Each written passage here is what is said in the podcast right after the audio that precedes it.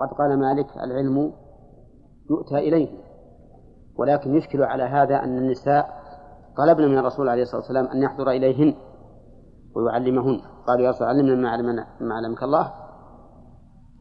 فوعدهن بيتا واجتمعنا فيه.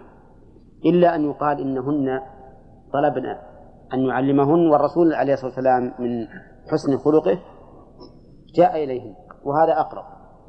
وعلى هذا فتستقيم الفائدة اللي قلت أن العالم هو الذي يؤتى إليه نعم ها؟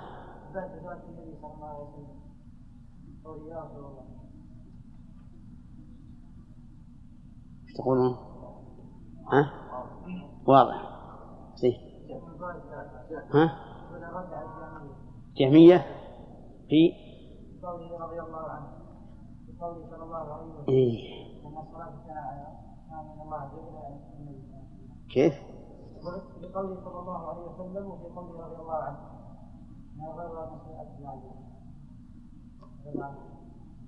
لا هذه من تصرفات المؤلفين ما نعم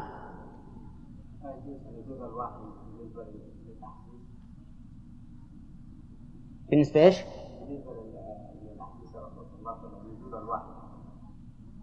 أنا أمرت اليوم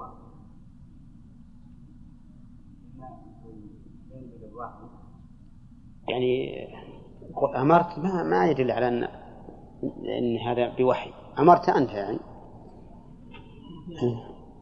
يك... وهي؟ لا ذكرها. اي كيف ذكرها؟ نعم.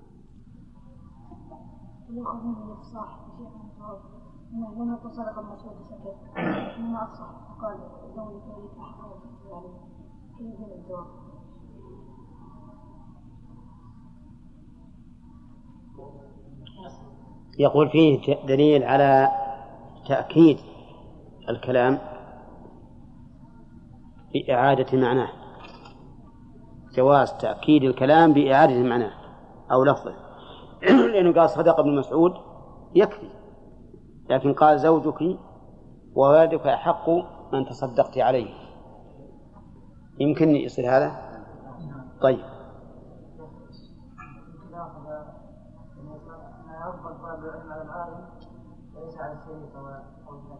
كيف؟ هل يؤخذ من ان طلب العلم على العالم؟ اي راح يعني ابن مسعود شريط بس. بس ابن مسعود رضي عنه ما قال قال رسول الله يا اخوان وقال ذلك من عنده. نعم. ثم يأخذ بيان أن من شك في مسألة لا يعمل بها حتى يتيقن المسألة.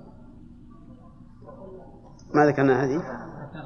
إذا كان إذا أفتى العالم وشككت في علمه وجب عليك تسأل نعم. في فائدة. الله أعلم. إنك إنك أمرت اليوم إنك, إنك أمرت اليوم بصدقة. في أن زينب رضي الله عنها آه، سارعت ولا وما أجلت إلى الغد. اليوم إن يعني مسارعة في بيان مسارعة حرص. إيه. طيب إحنا ما ذكرنا هذه؟ ها؟ حرص الصحابة على على العلم. ها؟ تنفيذ. حرص الصحابة على تنفيذ؟ إيه. طيب حرص على التنفيذ. الحرص على التنفيذ يقتضي المسارعة.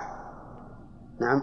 إذا تلحق بالفاعل هذه. تنفيذ أمر النبي عليه الصلاة والسلام والمبادرة بذلك. نعم. أقدر ما يكفي؟ أخاف أن يعني كمال أدب الصحابة في مخاطبة النبي صلى الله عليه وسلم. نعم. حيث قال كانوا يخاطبونه بيا رسول الله وما أشبهه. يمكن هذا يؤخذ لأن الله قال لا تجعلوا دعاء الرسول بينكم كدعاء بعضكم بعضا. وهذا يشمل دعاءه إلى عبادة الله. يعني فامتثلوا أمره. ودعاءه باسمه. ما تقول يا محمد. أي نعم. إيه.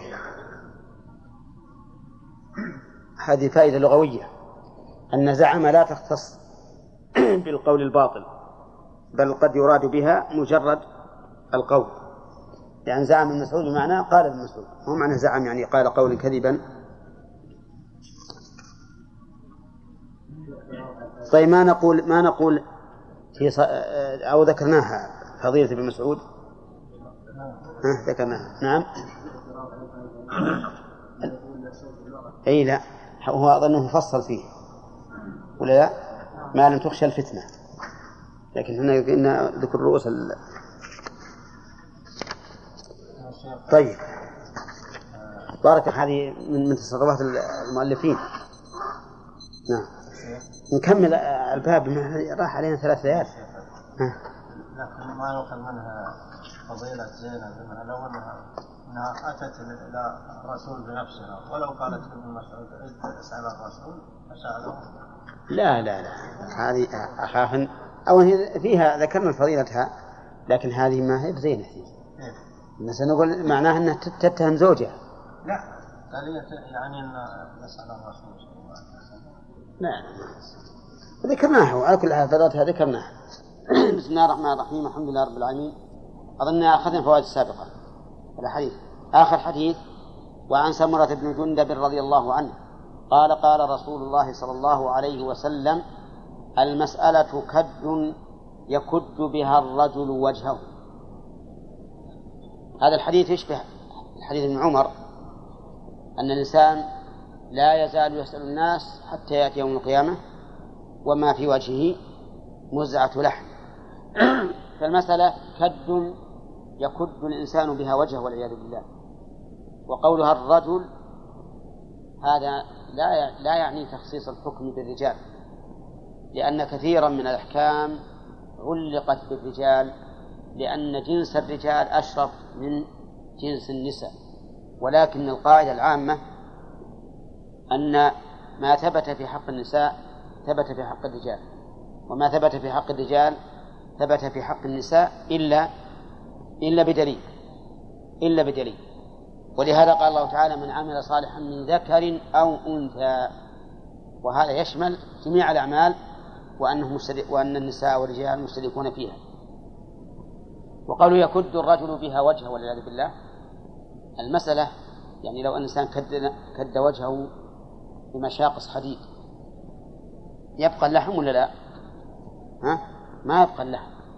فهكذا المسألة. كد يكد الإنسان بها وجهه. فهل أحد يرضى أن يكد نفس وجهه بيده حتى تتمزق لحومه؟ الجواب لا. إذا كيف ترضى أن تسأل الناس؟ وهذا ما يحصل. ويظهر أثر ذلك ليس في الدنيا. في الدنيا نسأل الله العافية الذي يعتاد على سؤال الناس ما يهتم. الإنسان الشريف إذا سأل تجده إذا اضطر وأراد أن يسأل تجده يتعب ويتردد يقدم رجلا ويؤخر أخرى هل يسأل أو لا يسأل؟ لكن الإنسان الذي علم عود نفسه ذلك نعم لا يهمه والعياذ بالله أن يسأل ما يهتم. نعم إنما هو في الواقع وإن كان لا يهتم ولا يتألم ولا يصفر وجهه ولا يغار دمه فإن الواقع أنه في كل مسألة يكد وجهه بهذه المسألة. استثنى النبي عليه الصلاة والسلام إلا أن يسأل الرجل سلطانا. السلطان من؟ ولي الأمر الكبير أكبر مولاة الأمور في البلد. ويحتمل أن يعود أن يراد به كل ذي سلطة في مكانه. كل ذي سلطة في مكانه. كالأمير مثلا في بلد فيسأل. ومع هذا فإن نقول فإن بعض أهل العلم قيد ذلك بما إذا سأل سلطانا ما يستحقه من بيت المال. ما يستحقه من بيت المال. فإن هذا لا بأس به. وعليه فيكون الحديث استثنى مسألتين. المسألة الأولى ما يستحق من بيت المال وإن لم يحتج إليه. والمسألة الثانية قوله أو في أمر لا بد منه. في أمر لا بد منه. مثل أن يضطر إلى إلى ماء يضطر إلى خبز يضطر إلى ثياب يدفع بها البرد يضطر إلى إلى رداء يتغطى به عن البرد. نعم. وما أشبه ذلك. فإن هذا لا بأس به. ولا يعد كدا يكد الإنسان به وجهه. ليش؟ لأجل دفع الضرورة. فيكون الرسول عليه الصلاة والسلام استثنى مسألتين. المسألة الأولى أن يسأل الإنسان شيئا مستحقا له ممن له السلطة فيه. ويشمل السلطان الكبير والسلطان الصغير. والثاني أن يسأل الإنسان شيئا اضطر إليه من أي إنسان. فإن ذلك لا بأس به ولا حرج. وأخذ العلماء من ذلك قاعدة فقهية أو ضابطا فقهيا فقالوا من أبيح له أخذ شيء أبيح له سؤاله. من أبيح له أخذ شيء أبيح له سؤاله وهذا داخل تحت عموم قوله إلا أن يسأل الرجل سلطانا يعني فيما له أخذ فإنه لا حرج عليه في ذلك وعلى هذا فالإنسان طالب العلم إذا كان محتاجا إلى كتب ووجه الطلب إلى المسؤول عن صرف الكتب هل يعد هذا من المسألة المذمومة؟ نعم وش الجواب؟ لا يعد. لأنه مستحق له. كثير من الناس قد لا يعرف لا يعرف. ويكون الموزع للكتب لا يعرفه. فلا يمكن أن يصل إليه ما يستحق من الكتب إلا بالكتابة. من فلان إلى فلان وبعد فإني مثلا من طلبة العلم أستحق الكتب الفلانية مثلا. هذا لا بأس به. وكذلك لو كان من أهل الزكاة. لو كان من أهل الزكاة فلا حرج عليه أن يبين للعامل إيش؟ أنه من أهل الزكاة. يبين للعامل أنه من الزكاة لأنه ممن يستحق ذلك. ومع هذا فالتنزه عن ذلك أولى إلا في إلا في مسألة الضرورة. التنزه عن ذلك أولى. ما لم تصل الحال إلى حد الضرورة. وقد مر علينا من يستغني يغنه الله. هذا شوف انظر في عظم المسألة. فما بالكم بمن يسرق بدون سؤال؟ ها؟ أشد؟ أشد. يقول ما سألت؟ يقول لكن أنت إذا سألت أعطيت عن طيب نفس من السائل. أما إذا سرقت فهذا سؤال وزيادة في الواقع.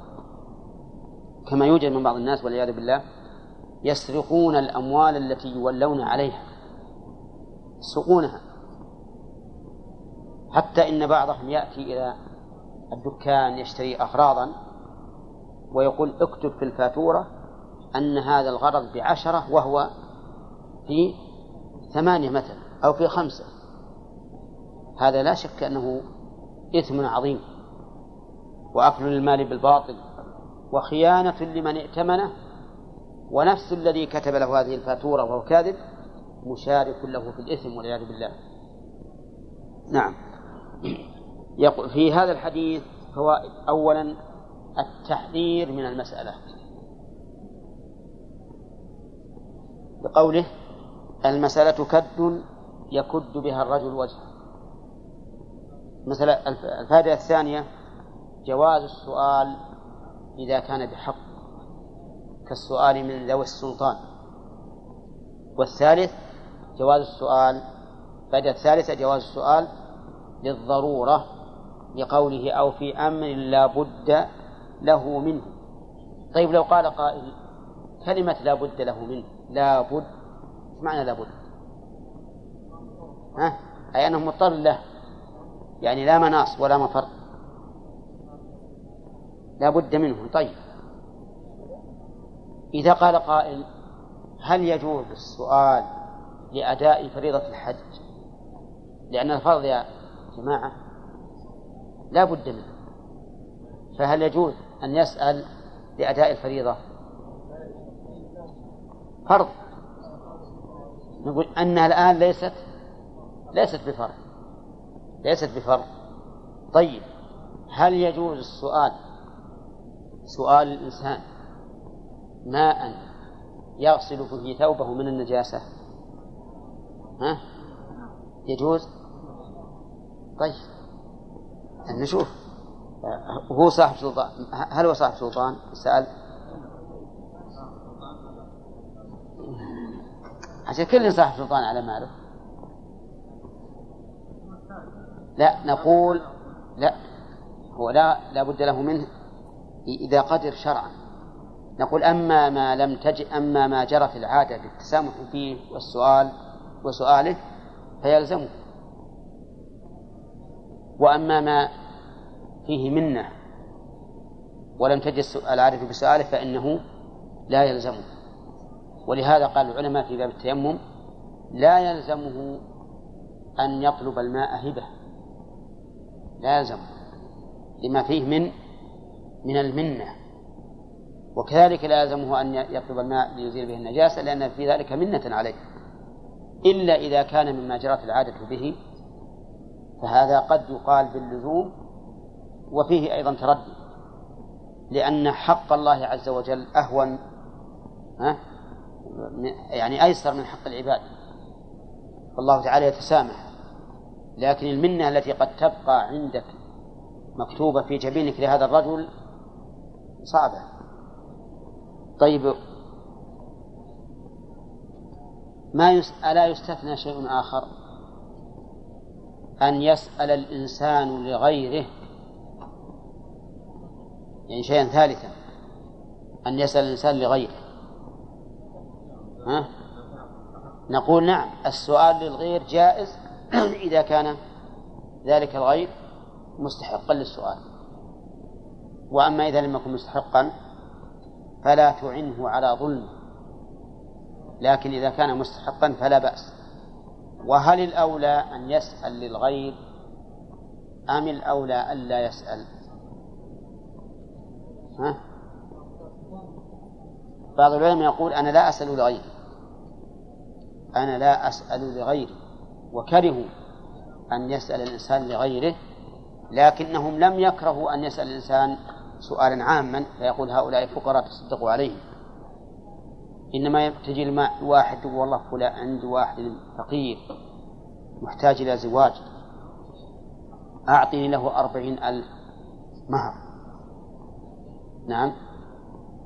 وجه الكراهة عند هؤلاء القوم يقول لأنه قد يعطي خجلا منك. قد يعطي خجلا منك وحياء. فيكون سؤالك للغير كأنه إلزام للمسؤول. فأنت لا تسأل لا تسأل لغيرك. والظاهر لي أن في هذا تفصيلا. أن في هذا تفصيلا.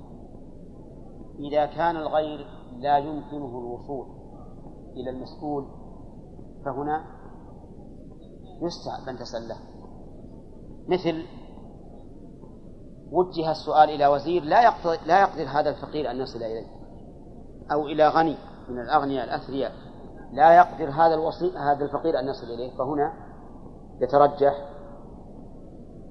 الجواز. وأن تسأل. لأن هذا فيه معونة على البر والتقوى في أمر لا يستطيع المعان أن يصل إليه. أما إذا كان المسؤول له يمكنه أن يصل فأنت تقول اذهب أنت واسأل. أنا لا أسأل لك. لكن إن طلب منك تعريفا. وقال أنا أذهب ما عندي مانع. لكن ما يعرفني هذا الرجل.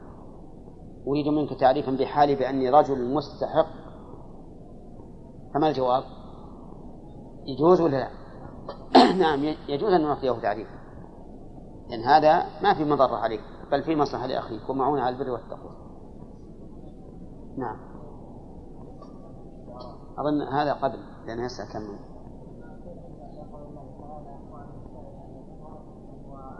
ما قال الله هذا؟ يا أخي استغفر الله. إيه ما قال السائل. نعم.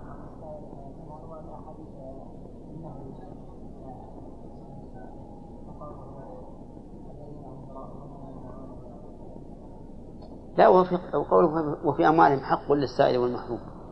هذه أوضح منهم كلهم هذه ما تدل على منع السؤال على جواز السؤال. تدل على مدح من أعطى السائل. نعم. وقد كان الرسول عليه الصلاة والسلام من حسن خلقه وكرمه أنه لا يرد سائلا سأل شيئا على الإسلام. هذه بالنسبة بالنسبة للمسؤول أما بالنسبة للسائل فكما تعرف الأحاديث هذه. السائل ما يسأل لكن إذا سأل فأنا أعطيه. ما لم أعلم أيضا أن في إعطائي إياه ضررا عليه بحيث يتمادى في السؤال فحينئذ لا أعطيه وأنصحه. هنا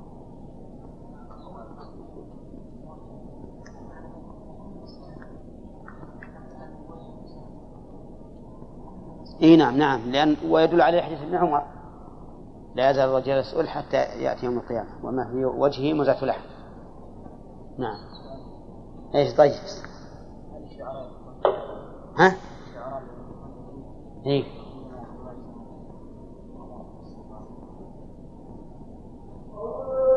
إحنا قلنا السلطان بشرط إنك مستحق. ما مستحق. بعض الشعراء يمكن ما له أكثر من السلطان. باب قسم الصدقات. القسم بمعنى التوزيع وإعطاء وجعل الشيء أقساما. قسمت الشيء أقسمه قسما وقسمته بمعنى تقسيما أي جعلته أقساما. والمراد بهذا الباب أين نقس أين نقسم الصدقات؟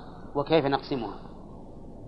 واعلم أن الله عز وجل تولى قسم الصدقات بنفسه فقال إنما الصدقات للفقراء والمساكين والعاملين عليها والمؤلفة قلوبهم وفي الرقاب والغارمين وفي سبيل الله وابن السبيل فريضة من الله والله عليم حكيم.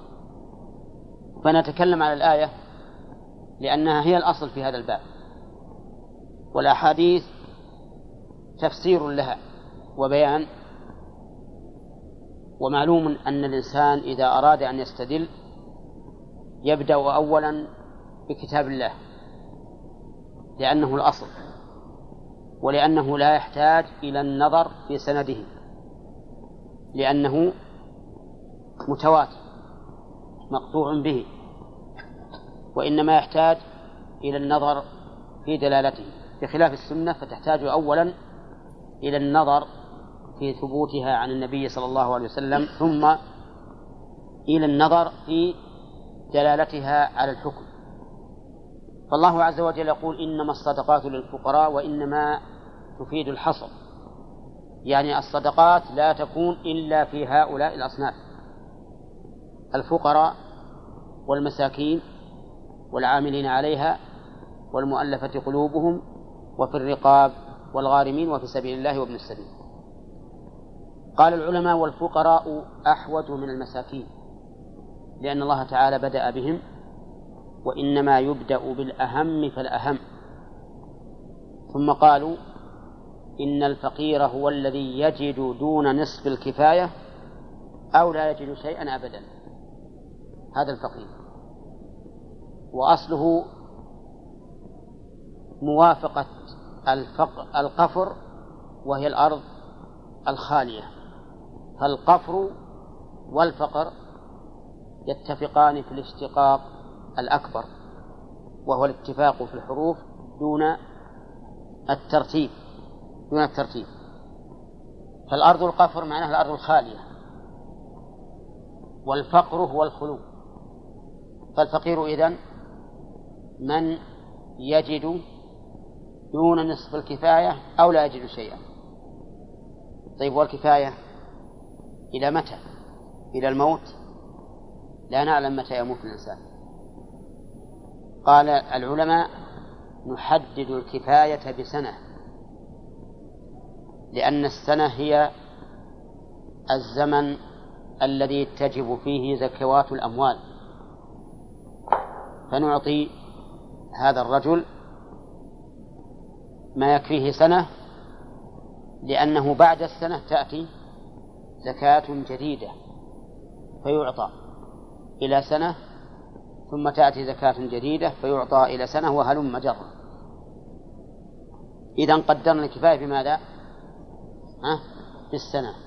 ووجهه ما ذكرنا.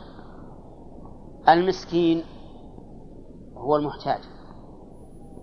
وسمي المحتاج مسكينا لأن الحاجة أسكنته لأن العادة أن الإنسان الغني يكون عنده رفعة رأس وسلطة في القول والفعل ويتصدر المجالس بخلاف الفقير المحتاج فإنه قد أسكنته الحاجة لكنه أحسن حالا من الفقير لأنه يجد نصف الكفاية ودون الكفاية. يجد نصف الكفاية ودون الكفاية. طيب هذان يأخذان لحاجتهما. وقوله والعاملين عليها هم الذين ينصبهم. السلطان لقبض الزكاة وقسمها وتفريقها. فهم جهة ولاية وليسوا جهة وكالة. ولهذا قال العاملين عليها فأتى بعلى الدالة على أن لهم سلطة الولاية لأن على تفيد العلو. بخلاف الوكيل وكيل شخص يؤدي زكاته ليس من العاملين عليها. فأنا إذا وكلتك تحصي زكاة مالي وتخرجها فلست من العاملين عليها بخلاف الذين ينصبهم السلطان الإمام فإنهم عاملون عليها لأن لهم نوع ولاية. وهؤلاء يعطون بقدر أجرتهم أي بقدر العمل الذي قاموا به لأنهم استحقوها بوصف. ومن استحق بوصف كان له من الحق بمقدار ما له من ذلك الوصف. فيعطون قدر أجورهم. وهؤلاء يعطون للحاجة إليهم لا لحاجتهم. انتبه. ولهذا يعطون ولو كانوا أغنياء لأنهم يعطون على عمل الحاجة إليهم. فنعطيهم بقدر عملهم. أما الرابع فالمؤلفة قلوبهم. المؤلفة قلوبهم المؤلفة هذه اسم مفعول وقلوب نائب فاعل. المؤلفة قلوبهم هم الذين نفرت قلوبهم واشمأزت من الإسلام وكرهت الإسلام وكرهت المسلمين. فهم يودون العدوان على المسلمين وعلى الإسلام. فيعطون ما يحصل به التأليف يعطون ما يحصل به التأليف.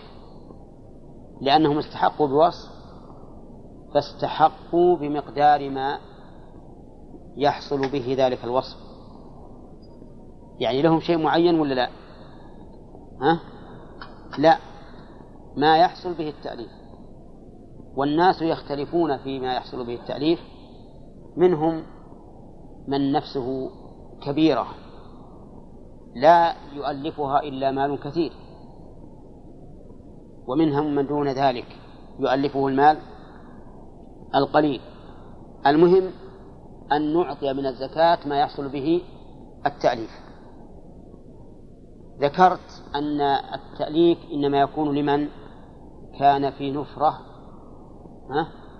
عن الإسلام أو عن المسلمين. وعلى هذا فيعطى المؤلف ما يقوى به إيمانه ويحبب الإسلام إليه ويعطى من من ليس في قلبه إيمان ولكن يخشى من شره يعطى ما يدفع به شره ولو كان كافرا حتى لو كان كافرا يخشى من شره يخشى من شره على المسلمين فإننا نعطيه من الزكاة ما هو من بيت المال فقط من الزكاة ما ندفع به شره. انتبهوا لهذه النقطة. لأن بعض الناس يعترض مثلا يقول ليش نعطي الكفار؟ لماذا نعطي الكفار من أموال المسلمين؟ نقول نعم إذا كان هؤلاء الكفار يخشى من شرهم وفعلا لهم شر وإذا أعطيناهم ألفناهم ودفعنا شرهم فإننا نعطيهم تأليفا لقلوبهم. لا على الإسلام لأنهم مستكبرون ولكن ها لدفع شرهم عن المسلمين طيب هؤلاء يعطون لإيش؟ ها؟ لتأليف مع الإيمان أو لدفع شره هؤلاء أربعة للفقراء والمساكين وهؤلاء يعطون لحاجتهم والعاملين عليها يعطون للحاجة إليهم والمؤلف قلوبهم بعضهم يعطى لحاجته وبعضهم يعطى للحاجة إليه. أما الذي يعطى لحاجته فهو الذي يؤلف على ها على الإسلام والإيمان لأن ذلك من مصلحته. والذي يعطى للحاجة إليه هو الذي يعطى ها لدفع شره. هذا نعطيه لأن نحن في حاجة. إلى دفع شره ثم قال وفي الرقاب. وأنت ترى الآن أن حرف أن حرف الجر اختلف ويبين لنا فهد وجه الاختلاف فيه.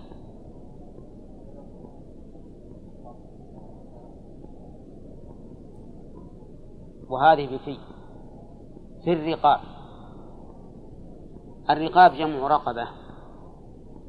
وذكر العلماء أنها ثلاثة أنواع. مسلم أسير عند الكفار يعطى الكفار من الزكاة لفك رقبته. هذا هذا هذا من الرقاب. الثاني عبد عند سيده. اشتريناه منه لنعتقه. هذا أيضا في الرقاب. الثالث مكاتب اشترى نفسه من سيده فنعطيه ما يسدد به كتابته. هذا أيضا في الرقاب. وهؤلاء يعطون ليش؟ للحاج لحاجتهم لكن لا يعطونهم. ولهذا قال في الدالة على الظرفية لأن هذه جهة وليست تمليك. فالعبد لا نعطيه هو نعطي سيده. صح؟ نعطي سيده. الأسير عند عند الكفار ما نعطيه هو. من نعطي ها؟ الكفار الذين أسروه المكاتب نعطي سيده وهذه هي النكتة في قوله وفي الرقاب. طيب. والغارمين. الغارمين أيضا تجدونها معطوفة على قوله ها؟ وفي الرقاب. ولم يقل للغارمين قال وفي, وفي الرقاب والغارمين أي وفي الغارمين. في الغارمين. فالصرف إليهم صرف إلى جهة. والغارم هو الذي لحقه الغرم وهو الضمان. الضمان. وقسمهم أهل العلم إلى قسمين. غارم لنفسه وغارم لإصلاح ذات البين فالغارم لنفسه هو الذي لزمه الغرم لمصلحته الخاصة. مثل رجل استدان ليشتري بيتا. استدان ليشتري بيتا. هذا غارم. لكن لإيش؟ لإصلاح ذات البين ها؟ لنفسه. هذا هذا غارم يستحق من الزكاة ما يوفي دينه. يستحق من الزكاة ما يوفي دينه. ولو كثر ها؟ طيب. هل يلزم أن نعطيه المال ليوفي أو أن نوفي نحن عنه؟ نوفي نحن عنه. لأن القلب في. جعله معطوفا على على المجرور بفي فهو جهة. ولا يحتاج إلى أن نملكه. ولكن إذا كان هذا الرجل لو ذهبنا نحن نسدد دينه خجل وانكسر قلبه لأنه رجل من قبيلة شريفة. ولا يحب أن يتبين مشرف للناس أنه مدين. في هذه الحال هل الأولى أن نذهب نحن لنسدد عنه أو أن نعطيه بنفسه ويسدد. الأفضل أن نعطيه بنفسه ويسدد لئلا يلحقه الخجل والحياء. نعم كما أنه يتأكد أن نسدد عن المدين إذا كنا نخشى إذا أعطيناه ذهب يشتري عبد الرحمن ما لا ينفعه. إذا أعطيناه المال قلنا خذ هذه مائة ريال سدد الدين اللي عليك. على طول راح اشترى موز برتقال وتفاح نعم. وما يوجد في السوق من الفواكه ودعا أصحابه. قال الليلة نتعلى الجميع على هذه الفواكه. وش اللي خسر الآن؟ 100 ريال. قضى دينه ولا لا؟ إذا رأينا مثل هذا الرجل إذا رأينا مثل هذا الرجل هل نعطيه يسدد ولا نسدد عنه حنا؟ نحن؟ نحن نسدد عنه لأن إعطاءه في الحقيقة إفساد للمال. طيب هذا الغارم لنفسه. يشترط في الغارم لنفسه ألا يكون عنده ما يوفي به. ألا يكون عنده ما يوفي به. فإن كان عنده ما يوفي به لم نعطه ولم نسدد عنه. لأن الذي عنده ما يوفي به ليس بغارم حقيقة. ولا لا؟ هو غارم. ها؟ ليس بغارم. إذا شاء أخذ من المال اللي عنده وأوفى الذي عليه. فليس بغارم. إذا الغارم لنفسه لابد أن لا يكون عنده يشترط لإعطاء من الزكاة أن لا يوجد عنده ما ما يوفي به. نعم. طيب. رجل عليه غرم خمسمائة درهم.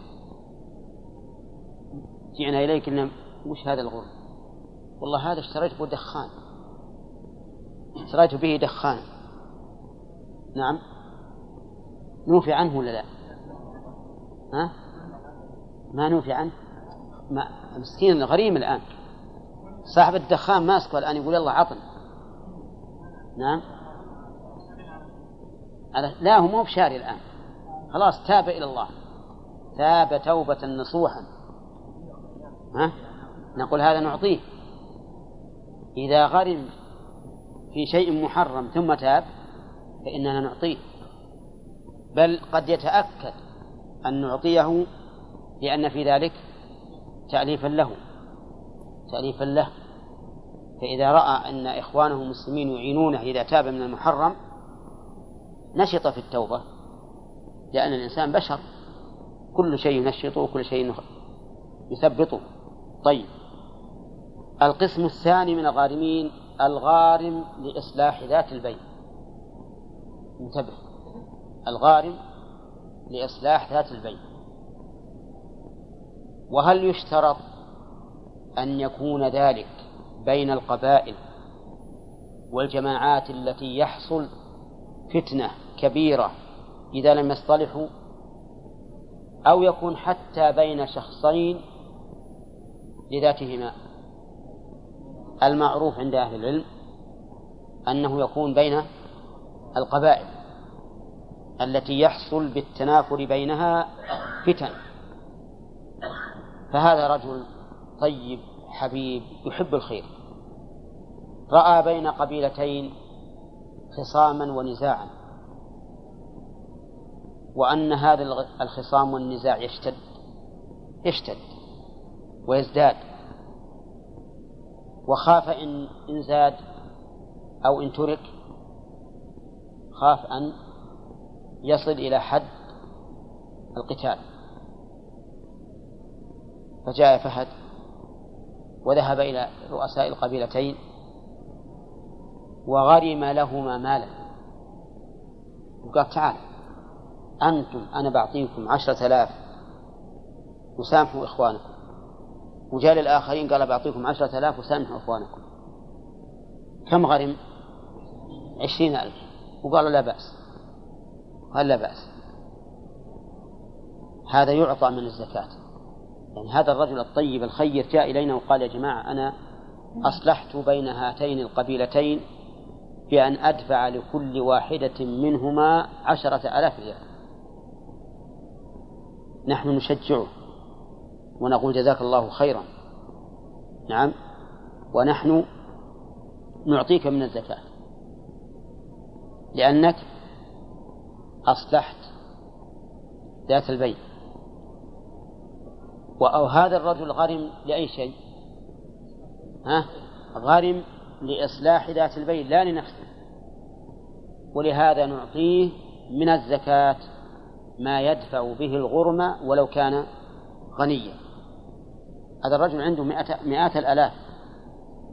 نعطيه من الزكاة. طيب فإن سدد من عنده فهل نعطيه من الزكاة ولا لا؟ لا. ما نعطيه من الزكاة. ليش؟ ها؟ لأنه الآن غير غالب. الآن غير غالب. نعم إن استقرض إن استقرض وأوفى وليس عنده ما يسدده أعطيناه للغرم من جهة ها؟ ثانية وهي الغرم لنفسه. الغرم لنفسه. والحاصل أن الغارم لإصلاح ذات البين إن سلم المال من نفسه فإنه لا يستحق. لماذا؟ لأنه ليس بغارم الآن. اللهم إلا إذا كان مدفوعا من جهة ولي الأمر. قال له اذهب وأصلح بين هاتين الطائفتين أو القبيلتين ولو بمال. ونحن نضمنه لك. فذهب ودفع من ماله. فحينئذ يعطى ولا لا؟ يعطى لأنه نائب عن الإمام. الغارمين. وفي سبيل الله. هذا اللي بعده. وفي سبيل الله. أعاد قوله في في سبيل الله. لزيادة التأكيد. تأكيد الظرفية. سبيل الله ما هو؟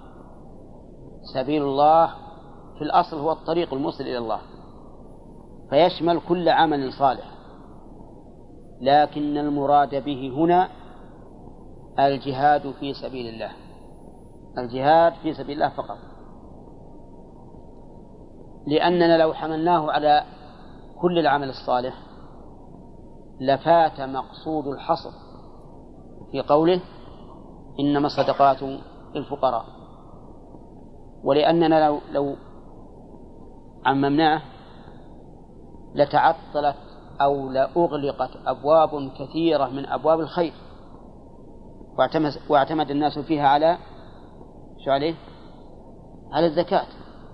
لو قلنا أن تبنى المساجد والمدارس وتصلح الطرق وتطبع الكتب وما أشبه ذلك انسدت أبواب الخير في هذه في هذه الجهات. لأن كل إنسان يقول هذا للزكاة. ولكن المراد بذلك في سبيل الله أي في الجهاد في سبيل الله خاصة. وقوله في سبيل الله هل يشمل المجاهد وعتادة؟ يعني سلاحه ودرعه وما أشبه ذلك؟ أو يختص بالمجاهد فقط؟ الصحيح أنه يشمل. يشمل الجهاء المجاهد وأعتاده. وأعتاده. واستدل بعضهم لهذا بقول النبي عليه الصلاة والسلام أما خالد فإنكم تظلمون خالدا. فقد احتبس أدراعه وأعتاده في سبيل الله. قالوا وسبيل الله مصرف من مصارف الزكاة. وخص بعض العلماء في سبيل الله بالمجاهدين فقط فقالوا يعطى الغازي إذا لم يكن له ما يكفيه من الديوان العام للمسلمين يعني بيت المال ولا ولا يشترى منها أسلحة. ولكن هذا القول ضعيف لأن الله لم يقل وفي المجاهدين بل قال وفي سبيل الله فيشمل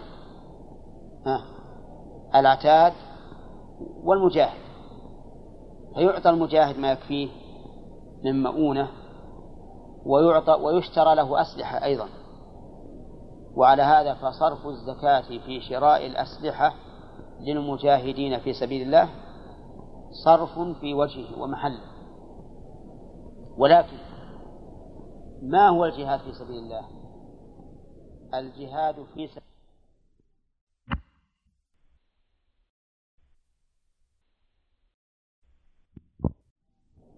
الجهاد في سبيل الله هو أن يكون القتال لتكون كلمة الله العليا فقط. لا لشيء آخر لتكون كلمة الله هي العليا. والذي جاء بهذا الميزان هو أعدل الناس وزنا وهو رسول الله صلى الله عليه وسلم. حيث سئل عن الرجل يقاتل حمية ويقاتل شجاعة ويقاتل ليرى مكانه أي ذلك في سبيل الله؟ قال من قاتل لتكون كلمة الله العليا فهو في سبيل الله. ولهذا تجد هذا الرجل المجاهد لتكون كلمة الله هو, هي العليا لا يني ولا يفتر بل هو دائم دائما في عمل وإصلاح وتخطيط وتكتيت كما يقولون. أما الآخر الذي يقاتل لغير أن تكون كلمة الله العليا فتجده يكسل أحيانا وينشط أحيانا وإذا حصل له ما يريد يقول لا يهمني الباقي. نعم. فالرجل الذي يقاتل ليحرر بلده لأنها بلده فقط. هل هو في سبيل الله؟ لا. هذه قومية. والذي يقاتل لأنه شجاع يقاتل لشجاعته. والإنسان الشجاع يحب أن يقاتل دائما. يعني طبيعته تملي عليه ذلك. هل هو في سبيل الله؟ لا. والذي يقاتل حمية وحدبا على قوم فهذا أيضا ليس في سبيل الله. لكن إذا قال أنا أقاتل لتكون كلمة الله العليا سواء في بلدي أو في غير بلدي فهذا هو الذي في سبيل الله وهو الذي يستحق من الزكاة. أما الثامن فهو ابن السبيل. ابن السبيل. ما هي السبيل؟ الطريق. كما قال الله تعالى وأن وأن هذا صراطي مستقيما فاتبعوه. ولا تتبعوا السبل فتفرق بكم عن سبيله. أي الطريق. وما معنى ابن الطريق؟ ابن الطريق. هل الطريق يلد أبناء؟ ها؟ لا. لكن يقال ابن الشيء للملازم له. كأنه ابن له لأن الابن يلازم أباه غالبا. فيقال ابن السبيل أي الملازم للسفر اللي لا زال في سفره. قالوا كما يقال كما يقال ابن الماء لطير طير معروف يسمى ابن الماء لأنه دائما ما يقع إلا على الماء فيسمونه ابن الماء. ونحن نعرف ونحن صغار طائرا يسمى دجاجة الماء ها؟ لا غير البشر. دجاجة المدى طير صغير يأتي في في الخريف يكثر في الخريف. وقبل أن تكثر البواريد يعني البنادق هذه وهو نجدها في البيوت يأتي ونصيده. نعم. نسميه نسميه دجاجة دجاجة الماء. على كل حال ابن السبيل هو المسافر الذي انقطع به السفر. فلم يجد ما يوصله إلى بلده. ولو كان غنيا في بلده يعطى. الآن نفقته سرقت مثلا. وانقطع. نعطيه ما يوصله إلى البلد. ولو كان غنيا في بلده. طيب هل نشتري له شيئا يعينه على سفره؟ لو ما أعطيناه؟ ها؟ لأن الله يقول وفي الرقاب والغارمين وفي سبيل الله وابن السبيل فجعلها معطوفة على في الدالة على الظرفية.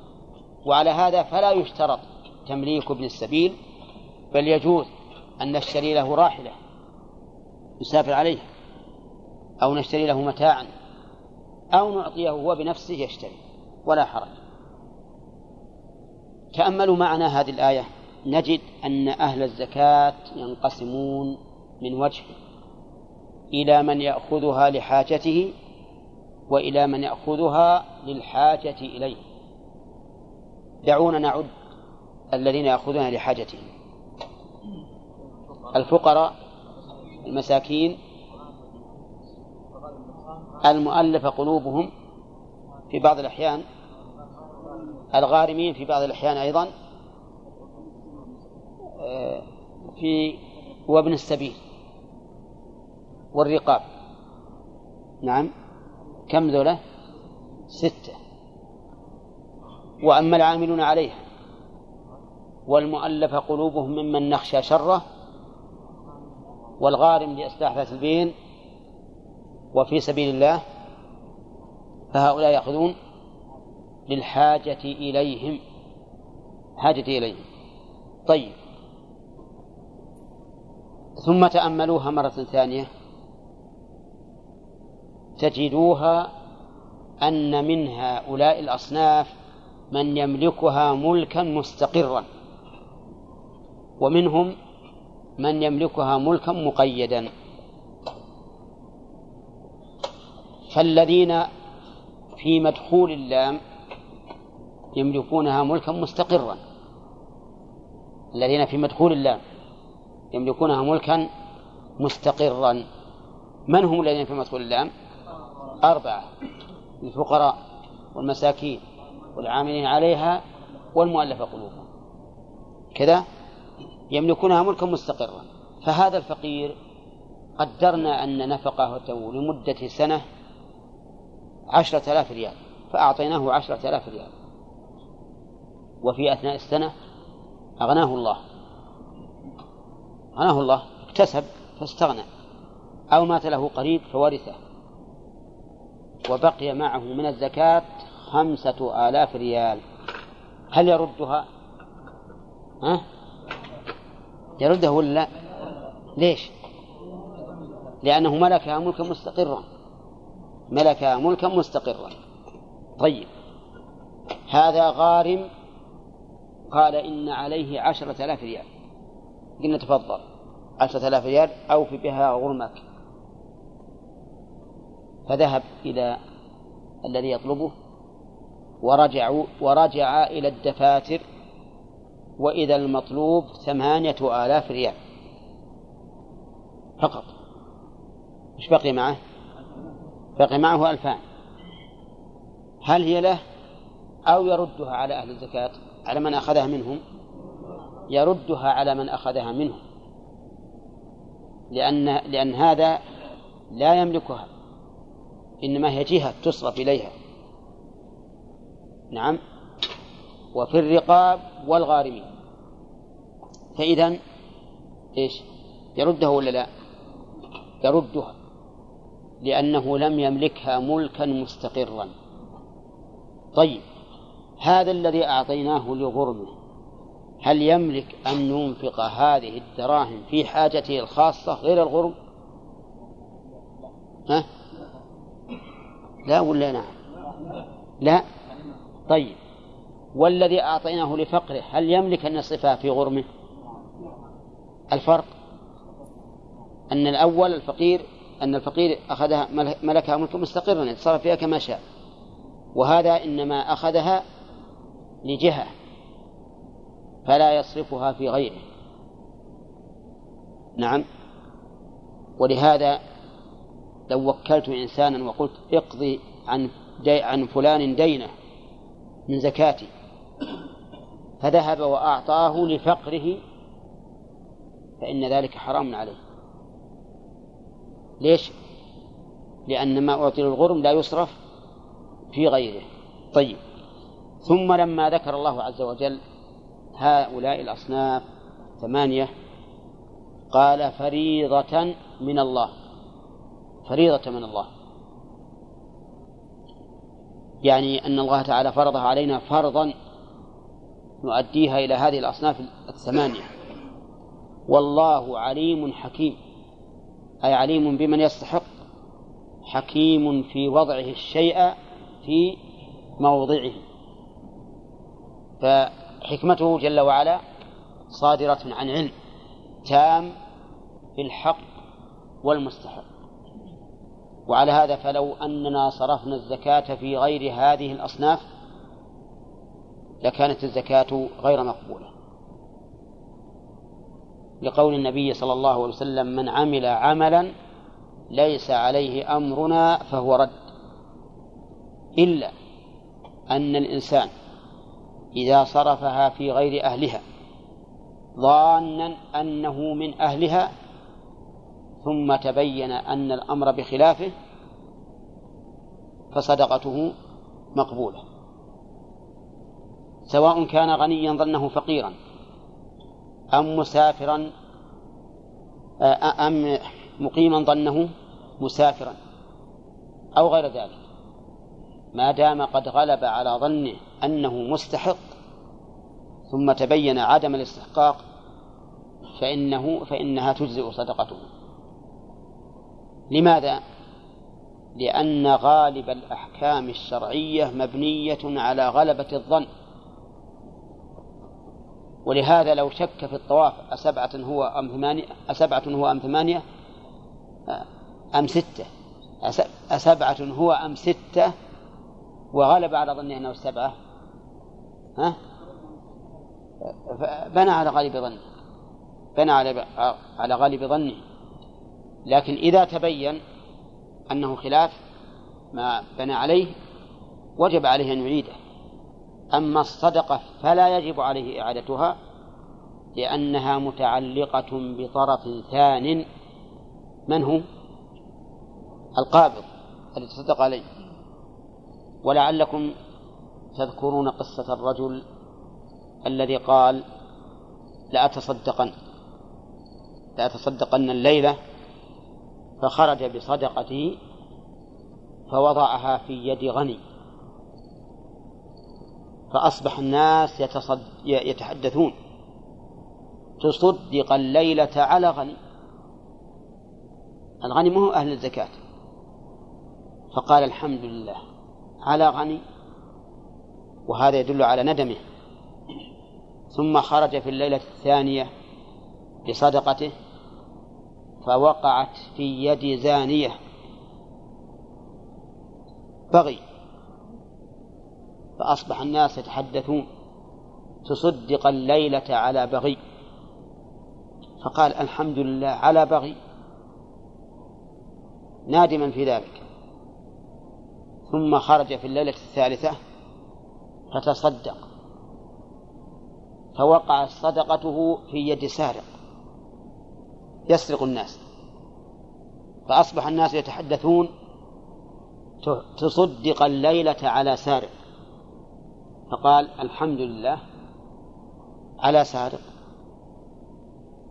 ثم أتي هذا الرجل وقيل له أما صدقتك فقد قبلت. أما صدقت فقد قبلت. ثم قيل له ألغني لعله أن يتصدق.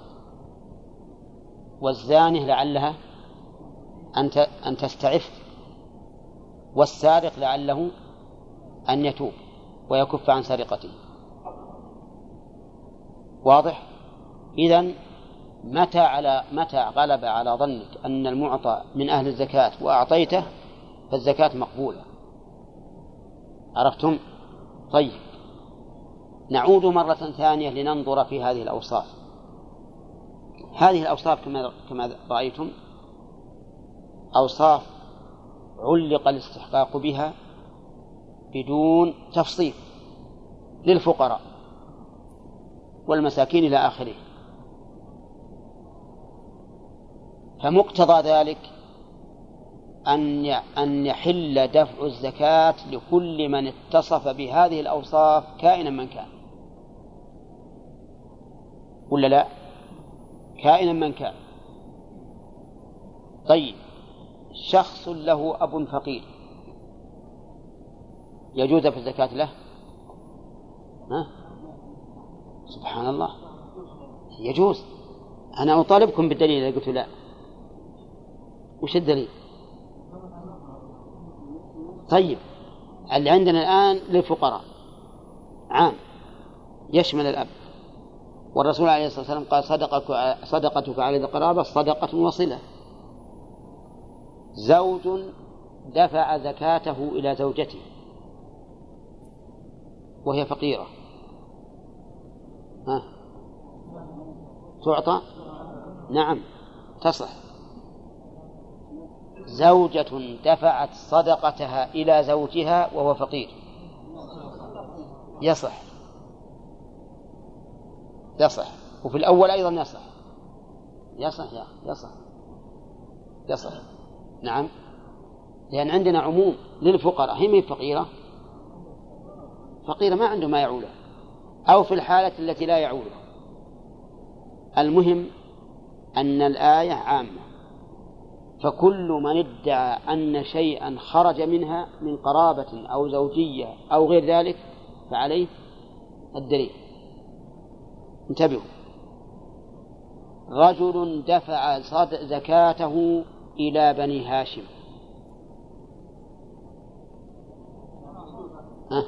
مقتضى الآية؟ يجوز. لكن فيه دليل.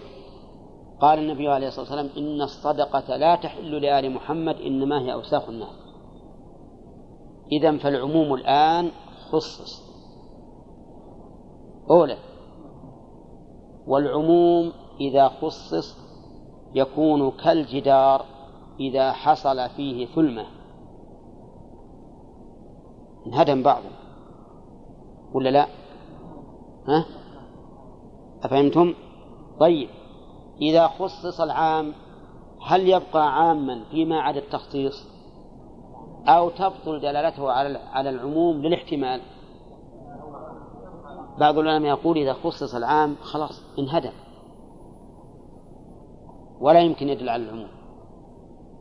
وبعضهم يقول وهو الصحيح أنه إذا خصص بقي عاما فيما عدا صورة التخصيص. وهذا هو الحق.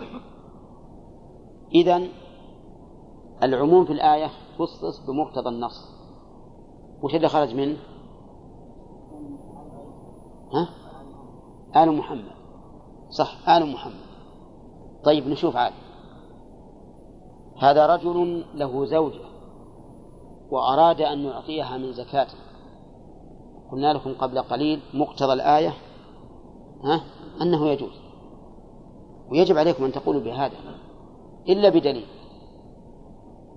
طيب الدليل هنا نقول الزوجة ليست محلا لصرف زكاة زوجها. لأن الله أمر بالإنفاق عليها نفقة خارجة عن الصدقة. ولا لا؟ قال وعلى المولود له رزقهن وكسوتهن بالمعروف. فأنت إذا أعطيتها مثلا مئة ريال من الزكاة وهي, وهي, وهي محتاجة إلى ثوب الثوب يساوي مئة. لولا أنك أعطيتها مئة من الزكاة اشترت به الثوب لكنت تشتريه له ولا لا؟ إذا فإعطاؤك إياها من الزكاة معناه توفير ما يقابل ذلك من من مالك من مالك الذي يجب عليك أن تنفقه عليه واضح حينئذ لا يصح لأن هذا الذي أخرج الزكاة كأنه لم يخرجها. إذ لولا استغناؤها بمئة ريال اللي أعطاها لكان يشتري لها ثوبا بمئة ريال فوفر بالزكاة ماله فلا يصح طيب هذه المرأة كان عليها دين كان عليها دين سابق أو لاحق فقضى دينها من زكاته. يجوز ولا لا؟ ها؟ لأنها داخلة في في الغارمين وهو لا يلزمه قضاء دينه فإذا قضى دينها لم يكن وفر شيئا من ماله فيجزئ فيجزئ ولا لا؟ طيب وكذلك نقول الزوجة إذا دفعت صدقتها لزوجها أجزأ ولا لا؟ وهو فقير. أجزى بمقتضى دلالة الآية. ولا نقول ما لم يعد يعني ما لم يكن في ذلك توفير لمالها. ليش؟ لأن ما فيه توفير. لأن الزوج هو الذي يجب عليه الإنفاق وهي لا يجب عليها أن تنفق على زوجها إلا على رأي ضعيف جدا رأي ابن حزم. ظاهرية. نعم. طيب إذن القاعدة عندنا أن كل من كانت قائما به هذا الوصف الذي هو سبب الاستحقاق فإن دفع الزكاة إليه إيش؟ جائز مجزئ. إلا ما قام الدليل على إخراجه فإن ما قام الدليل على إخراجه يخرج كالذي قام الدليل على إدخاله. والله أعلم.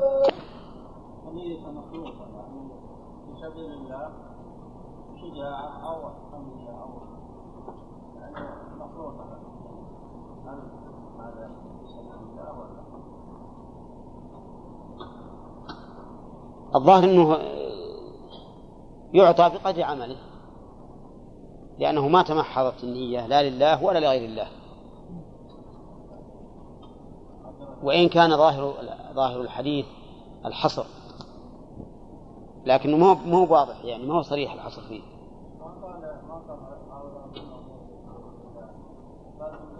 هذا نقول لك. أقول إن ظن إلى ظاهره كأن الرسول يقول لا يكون في سبيل الله إلا من قاتل لتكون. ولكنه ليس بصريح. بل فيه أن من قاتل لتكون كلمة الله فهو في سبيل الله فنقول له بقدر نيته. نعم.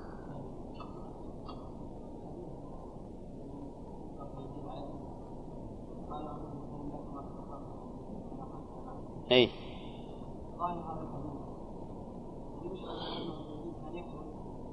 لا هو لا. آه، هو أعطى أعطى رجل يتصدق به فتصدق على ابنه. ما علم نعم. ربما أن والده ليس عند ليس له مال يستطيع الإنفاق عليه به.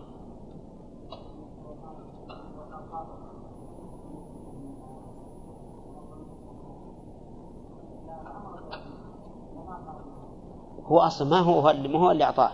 أعطاه رجلا يتصدق به. وهذا الرجل صرفها لابنه. فجاء الرجل إلى الرسول عليه الصلاة والسلام وقال هذا أعطاها ابني.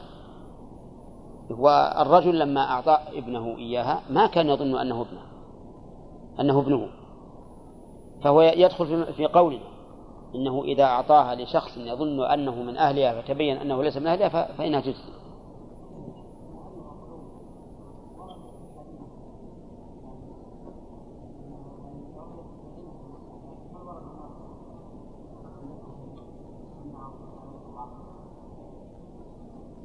بس لا يأخذ مأخوذ من المعنى. هذا مأخوذ من المعنى.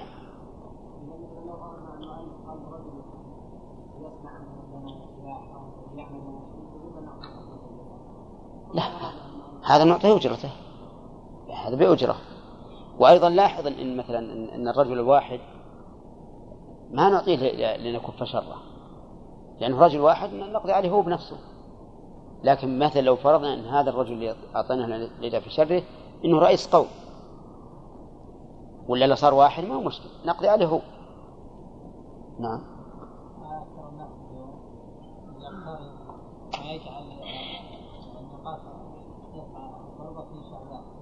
فإذا جاء شعبان قال حتى يسكن العبد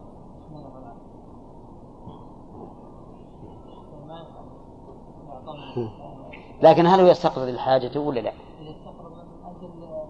أقول, أقول لحاجته ولا لا؟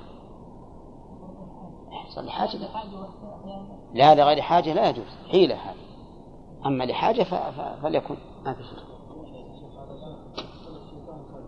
ها؟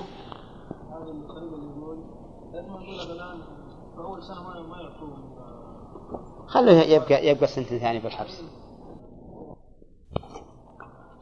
فإن بعض العلماء يقول إن هذا الذي احتبسه في سبيل الله ليس ليس من الزكاة. لكن المعنى أنه إذا كان الرجل قد أوقف شيئا من ماله في في سبيل الله فلن يبخل بالشيء الواجب لأن من بذل التطوع لا يمكن أن يبخل بالواجب. عرفتم؟ فلا يكون فيه دليل على أنها تصرف الزكاة في هذا. ولكن الأقرب والله أعلم آه الأول أنه يعني اشترى شيئا ووضعه في سبيل الله. طيب وابن السبيل نذكره ولا نخليه جانب الأحاديث؟ ها؟ مع الآية؟ طيب آه فيه أسئلة. أولا هل يجب أن نستوعب هؤلاء الأصناف؟ بأن نقسم الزكاة ثمانية أجزاء. نعم. ثانيا هل يجب أن نعطي من كل قسم ذكر بلفظ الجمع ثلاثة فأكثر؟ نعم في هذا خلاف بين العلماء. أما الأول وهو استيعاب الأصناف الثمانية فإن بعض العلماء يقول لا بد من استيعاب الأصناف الثمانية إلا أن بعضهم يقول إن سهم المؤلف قلوبهم ساقط لأنه بقوة الإسلام زال التأليف. فلا حاجة نؤلف. من أسلم وآمن وقوي إيمانه فهو منا ومن لم يسلم فالسيف. ولكن الصحيح أن سهمهم لم ينقطع وأنه باقي وأن ما ذكر عن عمر وغيره من الصحابة فمعناه أن الناس في ذلك الوقت لا يحتاجون إلى التأليف لقوة الإسلام وإلا فإن سهمهم باقي. أما هل يجب أن نعمم هذه الأصناف أو لا؟ ففيه خلاف. حجة من قال يجب التعميم أن الله سبحانه وتعالى جعل الاستحقاق في هؤلاء الأصناف الثمانية مقرونا بالواو. والقرن بالواو يقتضي الاشتراك. كما كما لو قلت هذا المال لك ولزيد ولعمر ولبكر ولخالد فإنه يكون مالا للجميع مشتركا. ولا يجوز أن نخصص به واحدا دون آخر. وهنا قال الله تعالى للفقراء والمساكين والعاملين عليها والمؤلف القلوب إلى آخره. وهذا يدل على أنه لا بد أن نعطي هؤلاء كلهم. كما أننا قلنا في قوله تعالى واعلموا أن ما غنمتم من شيء فأن لله خمسة وللرسول ولذي القربى واليتامى والمساكين وابن السبيل. كم هؤلاء؟ خمسة. لله خمسة وللرسول واحد. ولذي القربى واليتامى والمساكين وابن السبيل هؤلاء خمسة. ويجب أن نعمهم بالعطاء. يجب أن نعمهم بالعطاء. فهذه الآية نظير تلك. يجب أن نعمم فيها الأصناف. وقال آخرون بل لا يجب أن نعمم الأصناف. وأن الواو هنا أشركت الجميع في أصل الحكم وأن وأن مصرف الزكاة لهذه الجهات. ولا يلزم إذا اشتركت في الحكم أن تشترك في العطاء. وأجدوا قولهم بهذا بحديث معاذ بن جبل. أعلمهم أن الله افترض عليهم صدقة في أموالهم تؤخذ من أغنيائهم فترد في فقرائهم. وبأن الظاهر من فعل الرسول عليه الصلاة والسلام أنه لا يذهب يبحث هل فيه هل فيه مسافر انقطع سفر انقطع به السفر هل فيه غارم هل فيه كذا هل فيه كذا من المستحقين وإنما يعطي من وجده من هذه الأصناف. هذا دليلان الدليل الثالث أن في مراعاة إعطاء الأصناف الثمانية مشقة مشقة شديدة. يعني لا بد أن يبحث الإنسان عن عن من في البلد من هؤلاء الأصناف. وهذا قد يشق ويلحق الناس حرج. بخلاف خمس الفيء فإن الذي يتولاه الإمام والبحث عليه سهل. وأيضا فهذه فيها دليل وتلك ليس فيها دليل. طيب وهذا القول هو الراجح. وإذا قلنا إنه لا يجب الاستيعاب استيعاب الثمانية فهل يجب فيما ذكر مجموعا أن يعطى منه ثلاثة فأكثر؟ مثل الفقراء والمساكين والعاملين عليها والمؤلف قلوبهم وفي الرقاب والغارمين وفي سبيل الله هذه ما فيها جمع وابن السبيل ما فيها جمع. نعم. فيها أيضا خلاف. فمنهم من يقول لا بد أن تجمع أن يجمع من ثلاثة فأكثر من كل ما ذكر مجموعا. دون ابن السبيل مثلا. ابن السبيل ما هو لازم نعطي ثلاثة فأكثر؟ لأنه ذكر مفردا. ومنهم من قال إنه لا يجب لأن هذه أوصاف لا أعيان. نعم لو قلت المال لهؤلاء الرجال لازم أن يعطى كل واحد. أما إذا كانت المسألة بالأوصاف فمن استحق هذا الوصف أخذه. لو قلت أكرم المسلمين ثم لم تجد إلا مسلما ها؟ أكرمته. هكذا أيضا نقول في هذا ويدل لهذا أيضا الحديث قبيصة. أقم عندنا حتى تأتي الصدقة فنأمر لك بها. وهذا واحد. والصواب أنه يجزي يجزي من كل صنف صنف ومن كل صنف واحد. أنه يجزي من كل هذه الأصناف صنف واحد ومن كل صنف واحد. ولكن الأفضل أن يراعي الإنسان الحال فإذا كان عنده عدة فقراء وكلهم في الحاجة سواء فينبغي أن لا يخص أحدا. بل ينفع هذا وهذا لأنه أحسن. نعم. هذا هو ما يتعلق في قول المؤلف باب قسم الصدقات أي توزيع توزيعها وقسمها مقسومة. ثم ذكر المؤلف الأحاديث الواردة في ذلك. فقال عن أبي سعيد الخدري رضي الله عنه قال قال رسول الله صلى الله عليه وسلم لا تحل الصدقة لغني. لا تحل يعني تحرم. وقولها الصدقة ظاهره العموم. والصدقة كل ما بذله الإنسان يريد به وجه الله. فهي صدقة. فإن قصده فإن بذله يريد به التودد والإكرام سمي هدية. وإن بذله يريد بذلك مجرد نفع. المعطى صار هبة وعطية. فهو على حسب النية. حسب النية. إذا قصد به التودد والإكرام فهو هدية. إذا قصد به وجه الله عز وجل فهو صدقة. إذا قصد به نفع المعطى ها؟ فهو هبة وعطية. إذا قصد به دفع الشر عنه فهو فدية. يفدي بها الإنسان نفسه أو عرضه أو ما أشبه ذلك. والأخير حرام على من؟ ها؟ على المخرج. لا حرام على المعطى. الذي يعطى لدفع الشر حرام على المعطى. نعم.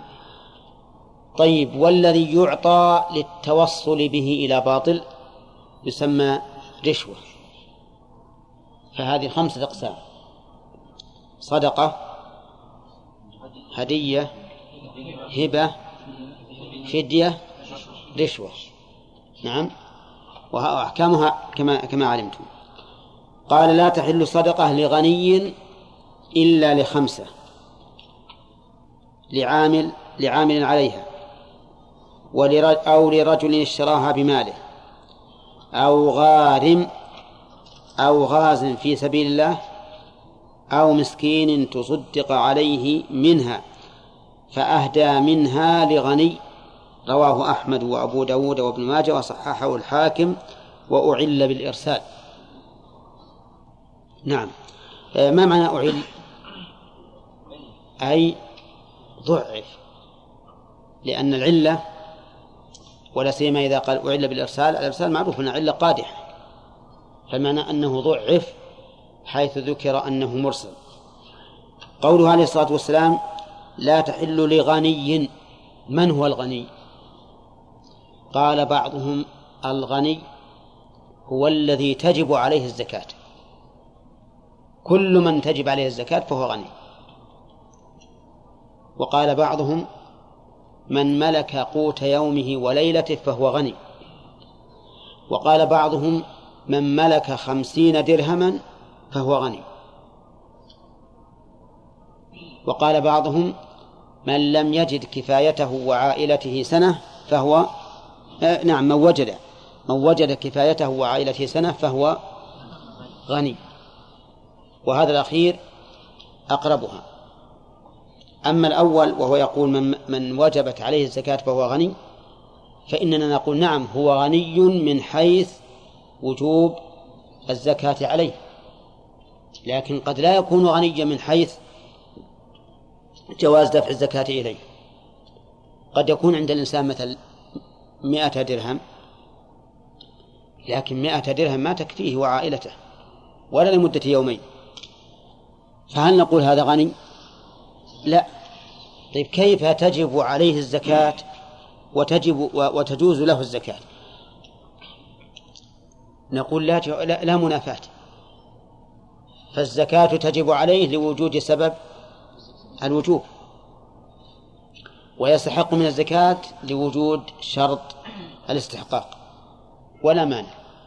يعني لا مانع أن يكون الإنسان من أهل الزكاة الذين تجب عليهم ومن أهل الزكاة الذين تحل لهم. وأصح الأقوال في هذا أن الغني هو الذي يجد كفايته وكفاية عائلته لمدة سنة. قال النبي عليه الصلاة والسلام إلا لخمسة. إلا لخمسة ثم عدهم. وذكر العدد والتثنية بالمعدود هذا من حسن التعليم.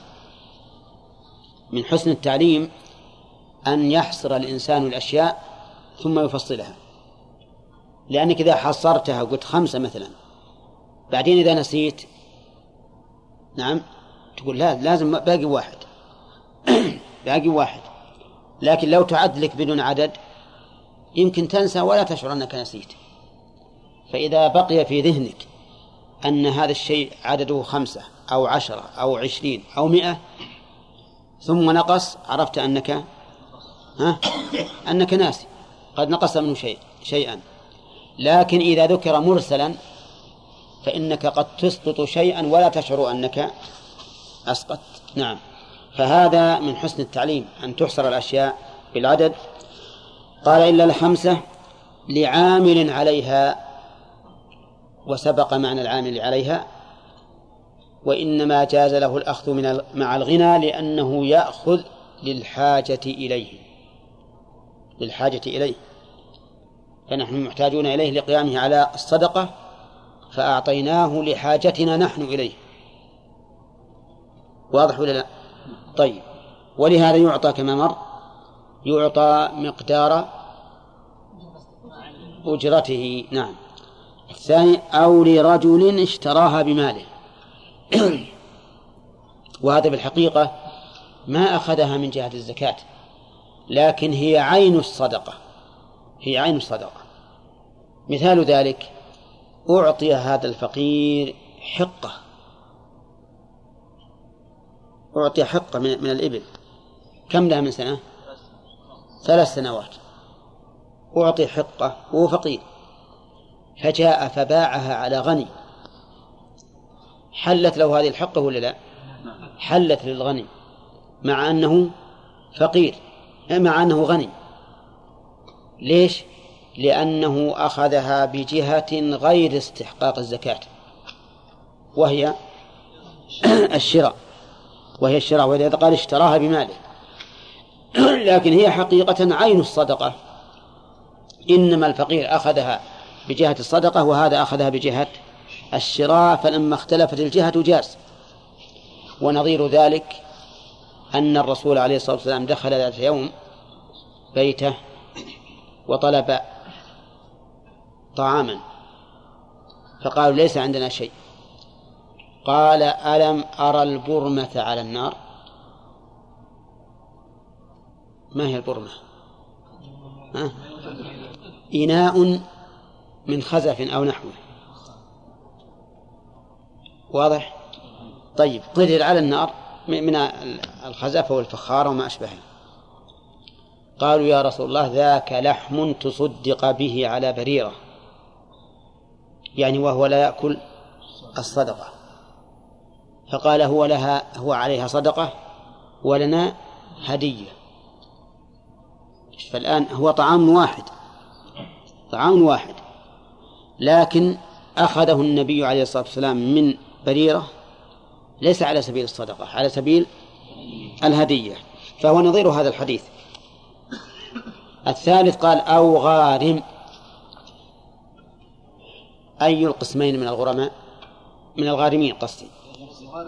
الغارم لإصلاح ذات البين الغارم لإصلاح ذات البين لأن الغارم لنفسه يشترط لاستحقاق الأخذ. أن لا يجد ما يسدد دينه. أما الغارم لإصلاح ذات البين فيعطى ولو كان فقيرا. اللهم إلا أن يقال إن الغارم هنا تشمل الصنفين من الغرماء أو من الغارمين على صح ويقال إن الغارم لنفسه قد يكون عنده ما يكفيه من حيث الأكل والشرب واللباس والسكنى لكن ليس عنده ما يسدد دينه.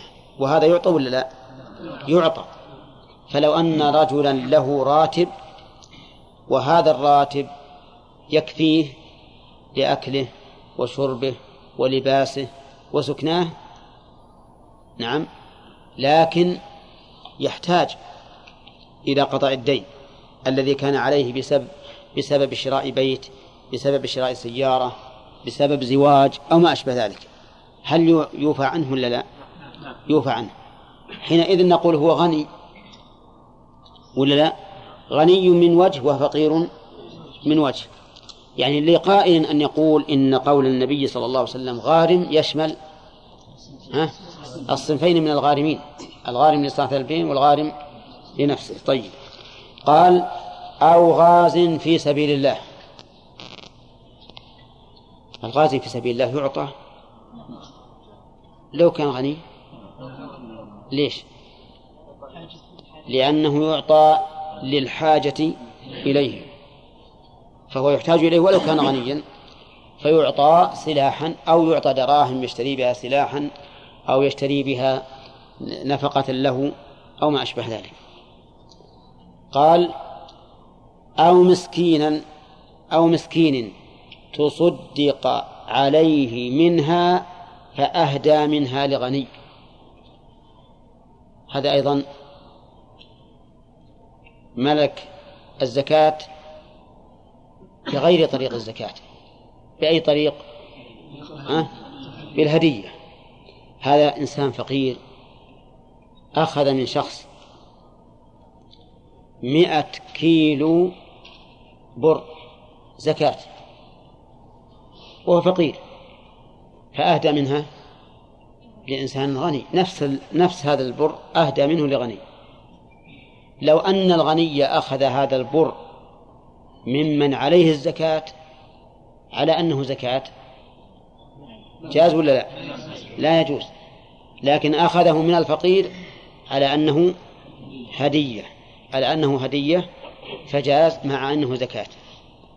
هذه خمسة أصناف أو بين الرسول عليه الصلاة والسلام أنه تحل لهم الزكاة وهم أغنياء. آه هذا معنى الحديث.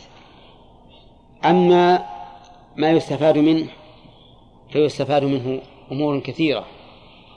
أولا تحريم الزكاة على الغني. تحريم الصدقة على الغني.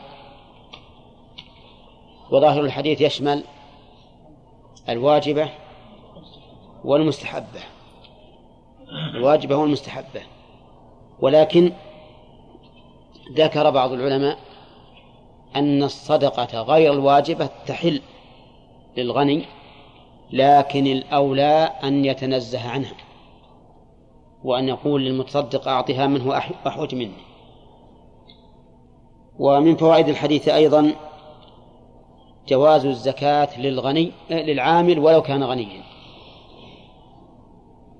كقوله لعامل عليها. طيب لو أراد العامل أن يتبرع بعمله ولا يأخذ؟ ها؟ إيه فهو محسن. لكن لو أراد أن يأخذ يأخذ ولا حرج عليه. وقد أعطى النبي صلى الله عليه وسلم عمر على حين عمل على الصدقة فقال يا رسول الله أعطه أحوج مني. فقال له النبي عليه الصلاة والسلام خذ. ما جاءك من هذا المال وأنت غير مشرف ولا سائل فخذه. وما لا فلا تتبعه نفسك. طيب العامل عليها ولو كان واحدا ها؟ ولو كانوا جماعة ها؟ ولو كانوا جماعة. لو كانوا جماعة من الآية والعامل والعاملين عليها. ولو كان واحدا من هذا